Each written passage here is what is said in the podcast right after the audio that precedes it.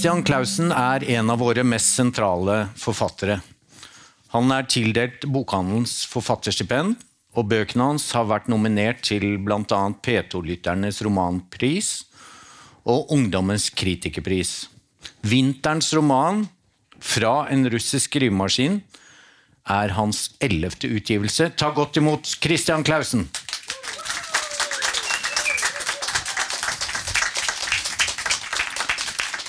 Velkommen. Takk for det. Altså, De av oss som har vært på Boktips live en del ganger før, de har eh, møtt Christian Clausen her før. For i, i, fjor så snakket vi om den tredje boken din i det vi kan kalle eh, kanskje en trilogi fra Drammen, med, med um, autentiske personer, men som for så vidt ikke har bodd i Drammen. F.eks. Anne Frank og Adolf Eichmann. Bare fortell litt om ideen eh, med en sånn altså type kontrafaktiske romaner som du der skrev tre stykker av. Ja, det var en trilogi hvor jeg brakte først uh, billedkunstneren Mark Rothko uh, til Drammen og lot han få et helt annet liv enn han egentlig hadde. Og da undersøkte jeg hvordan eh, bildene hans kunne få nye bakgrunner ved å legge det til en lokal setting, som var egentlig da min egen setting i Drammen. Eh, så skrev jeg en roman om Anne Frank, eh, hvor jeg også forsøkte å flytte hennes historie til Drammen og til de gatene jeg kjenner godt, og, og se hva som skjedde da. Så veldig eksperimentelle utgangspunkt. Uh, og den siste i den var da om Alf Eichmann, uh, den lille mannen fra Argentina, het den. Hvor jeg også da lot han slippe unna, for han ble jo kidnappa av Mossad i 1960 og um, brakt til Israel for å stå ansvarlig for sin del av jødeutryddelsen. Så lot jeg han slippe unna og reise helt til Drammen, hvor han da bosetter seg i Konnerudgata. Og hva som skjer der. Så de tre romanene er da slags kontrafaktiske eksperimenter med, med å bringe de historiske romanene, nei, skikkelsene til mitt uh, miljø i Drammen. Og vi kommer, Det blir mye snakk om Drammen, det kan jeg love dere. Men uh, også i årets roman fra en eh, russisk skrivemaskin, så er vi i Drammen. Men det er litt annerledes, fordi du har med autentiske personer her òg. Men, eh, men, her er, det, er vi på 70-tallet og en KGB-agent. Kan du fortelle litt av handlingen, så vi skjønner? Ja, er, i, i, årets roman så er det Aleksandr Solzjenitsyn. Jeg greide å uttale det riktig. Ja, det var ikke verst.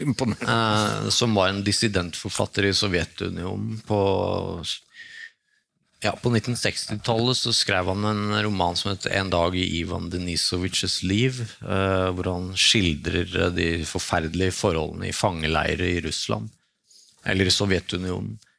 Eh, og den romanen kom ut mens det fortsatt var et slags tøvær etter Stalin, hvor man eh, tillot litt kritikk av regimet osv. Men så overtok Brezjnev i 1965, var det vel. Og da begynte en mye hardere forfølgelse av forfattere og kunstnere, deriblant Solzjenitsyn. Og han arbeida på et enormt prosjekt som skulle vise seg å bli Gulag-arkipelet, som er et uh, flere binds verk om uh, alle uhyrlighetene i fangeleirer i Sovjetunionen. Uh, og han selv, hadde jo sjøl erfaring fra de fangeleirene. Eh, så ble han forsøkt eh, likvidert i august 1971 eh, med gift, men overlevde. Og til slutt så, så emigrerte han jo og flytta til USA, og så ble boka 'Gulag-arkipelet' gitt ut der. Så i min roman så har jeg tenkt hva hvis han flytta til Norge Og til? Og til Drammen, selvfølgelig. I 1971. da. Rett etter det første likvideringsforsøket. Eh, så han flytter da til Drammen, og så lar jeg han da fullføre Gulag-arkipelet mens han bor i en liten bydel i Drammen. Og så er det en KGB-agent som heter Mikael Alekin, som er fiktiv, da, som kommer til Norge og prøver å spore han opp, og finner ut at han er i Drammen. Eh, så det er utgangspunktet. Så møter jo han Mikael Aleken eh, en dame som heter Dordi, som er bibliotekar. Og hun er datter av en bildekunstner. Så blir han kjent med hun og han, og så begynner han å tvile litt på om han bare skal For han skal jo da sette, få han Solzjenitsyn sin uh, drept, ikke sant. Men uh, møtet med Dordi og den bildekunstneren Wilhelm, som er basert litt på Willem de Kooning, faktisk, gjør, setter i gang en prosess hos, hos han Aleken. Og, og sånn var det jo da i den forrige boken, 'Den lille mannen fra Argentina', også at Adolf Eichmann Hvis man kommer til Drammen, så begynner man nok å tenke. Fordi eh, han leste også da en bok om Anne Frank, og begynte å tvile litt på Eller tok eh, et eksistensielt valg, og det gjør jo din ja. Mikael også. Hva, hvorfor, eh, hva er det som skjer med disse mennene? I det siste tilfellet så tror jeg det er at han har alltid trodd på Sovjetunionen og trodd på kommunismens ideer. Og følt at han i kraft av å være KGB-agent har beskytta Sovjetunionen og har gjort det riktige. Men i møte da med en annen kultur, den norske, og kunst og den uh, kan du si, vestlige friheten egentlig, som man møter her, så begynner han å gå gjennom en slags erkjennelsesreise og, og, og um, ja, innse at Ja, hva innser han? At det er forskjell på propagandakunst, som var den eneste tillatte i Sovjetunionen, og kunst som gjør alt mulig annet. Som utforsker hva det vil si å være menneske, f.eks. Så når han møter bildekunst som er fri, så, så begynner, eh, begynner, hans eh, nye erkjennelsesreise. Og øh, disse mennene i dine romaner de har mistenkelig lik alder som deg. Ja. Og øh, nå har denne hovedpersonen også er liksom så vidt bikket 50, som jeg tror du også har. Så hva er det som skjer når du begynner å skrive om en historisk person? Det handler litt om identifikasjon. Eh, for det at når jeg fikk ideen til Anne Frank, så innså jeg ganske raskt at jeg ikke ville konkurrere med hennes fortellerstemme i Anne Franks dagbok. Men det var mye mer nærliggende for meg, som da nettopp hadde bikka 50. Eller var jeg 49? Men, eh, men å, å, gå inn i faren hennes og Otto Frank, som han het, han var 52 når de gikk i dekning. Uh, og jeg sjøl har en tenåringsdatter, så det var mye lettere for meg å sette meg inn i hvordan det måtte være å være faren til Anne Frank. Og det ligger nærmere meg, og i alder. Så det jo, må det jo sies at de romanene ikke rett og slett Det er ikke bare at de historiske skikkelsene er flytta over, men de lades i stor grad også av mitt eget liv. Da. Sånn at uh, veldig mye av det Mark Rothko eller Otto Frank eller Eichmann opplever og tenker og har som minner, er faktisk ikke deres minner, men mine. Og Det gjorde òg at jeg kommer mye nærmere de på en måte som noen ganger kan være ubehagelig. Hvis du har Eichmann med det han har i, i bagasjen, og hvis han da begynner å nærme seg meg og mitt følelsesliv og mine hobbyer Jeg ga Eichmann tre hobbyer som jeg har, som ikke han hadde. Frimerker og jazz og interesse for Simenon, forfatteren.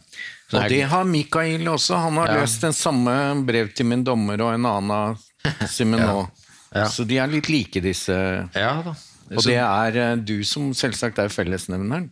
Jeg er fellesnevneren, og, og det er handler om noe Heinrich Heiden sa om maskenfreiheit. Som er det at når du får på deg en maske, så står du fri på en annen måte til å spille ut ting i deg sjøl som du kanskje aldri ville turt å spille ut eller å skrive ut. Selv om du hadde skjult deg bak en eh, romankarakter, så kan det hende at man ville holdt litt tilbake. Og det tror jeg også gjelder den litteraturen som er aller mest selvutleverende. Jeg tror faktisk man holder tilbake der òg, for det er ting som rett og slett er for flaut. Mens når du dekker deg bak maska til Mark Rothko eller Otto Frank, så kan du gå så langt du vil i, i de temaene du måtte ha lyst til. Så det er masken Freiheit. Men, men eh, og en sånn KGB-agent som denne Mikael, eh, som jo har Han har sendt masse eh, kunstnere, forfattere og sånn i fengsel, eventuelt også fått dem likvidert. og hatt falske eh, vitnesbyrd om det.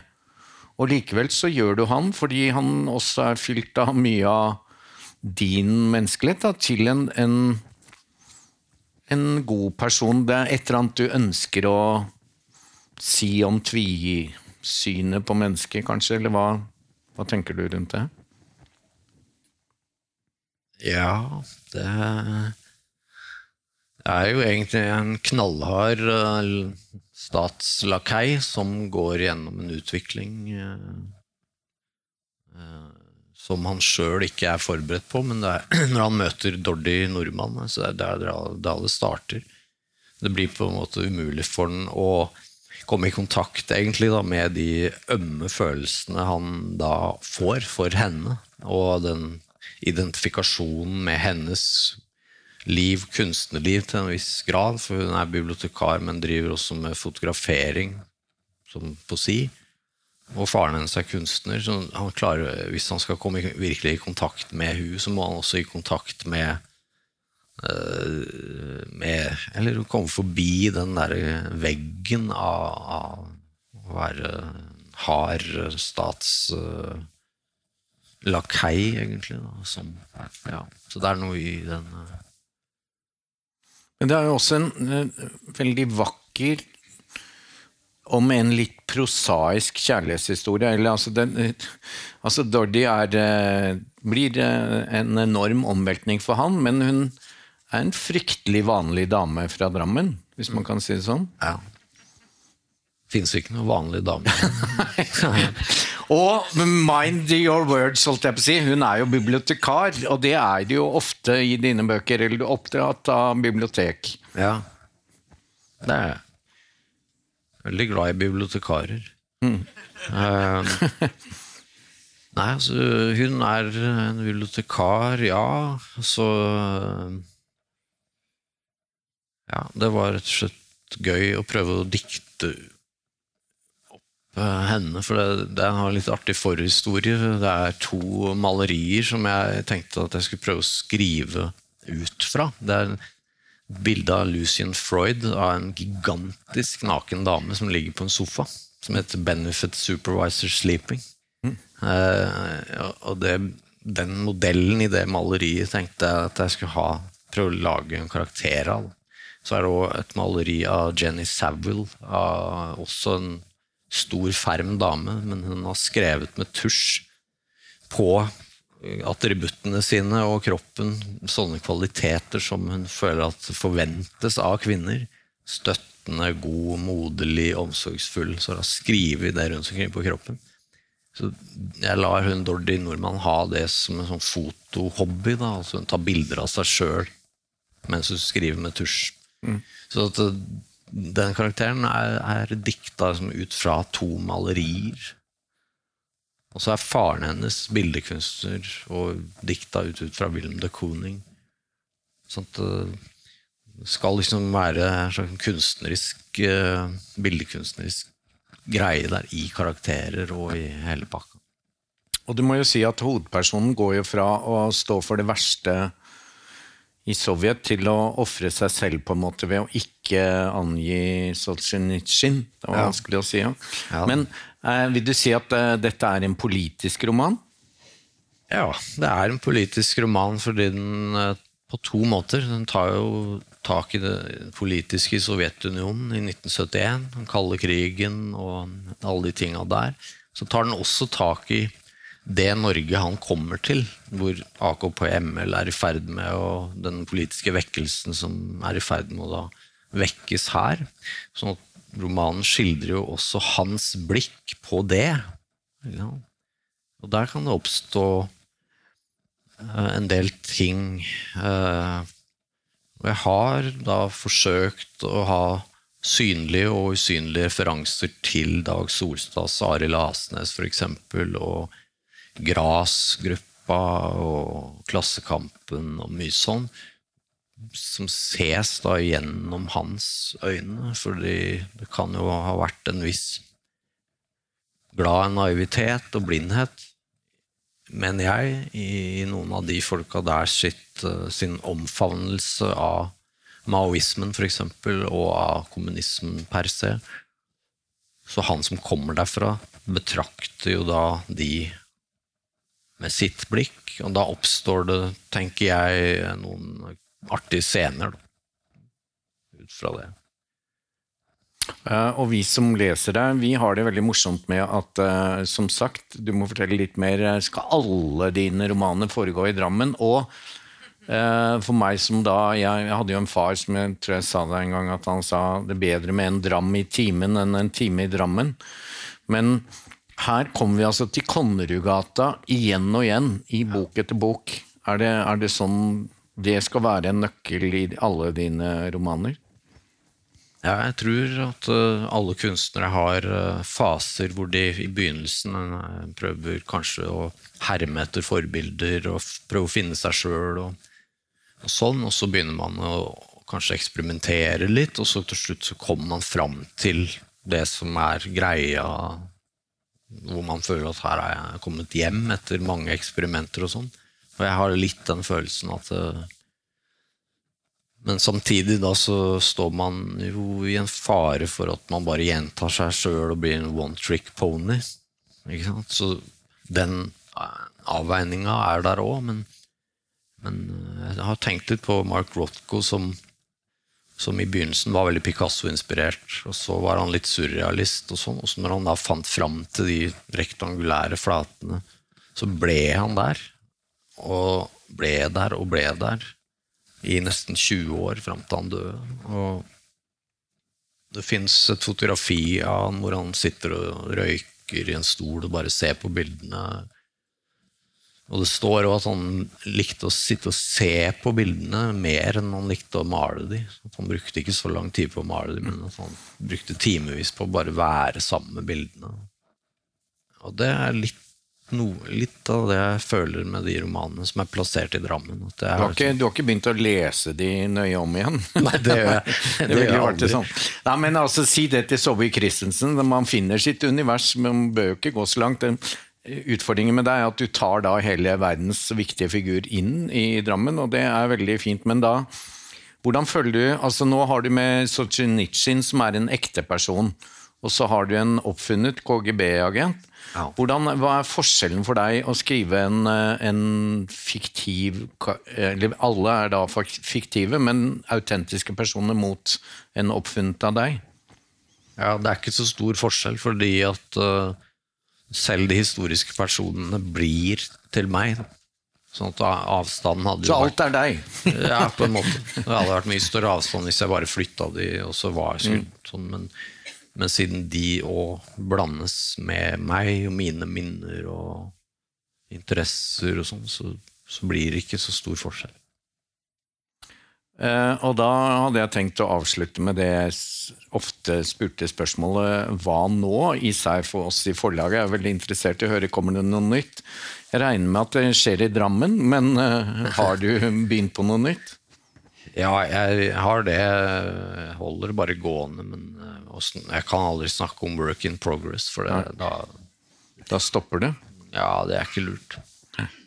Ok, Vi gleder oss i hvert fall veldig, og i mellomtiden så må vi lese denne fra en russisk skrivemaskin. Gi han en kjempeapplaus. Tusen takk. Boktips, en podkast fra Cappelen Dam.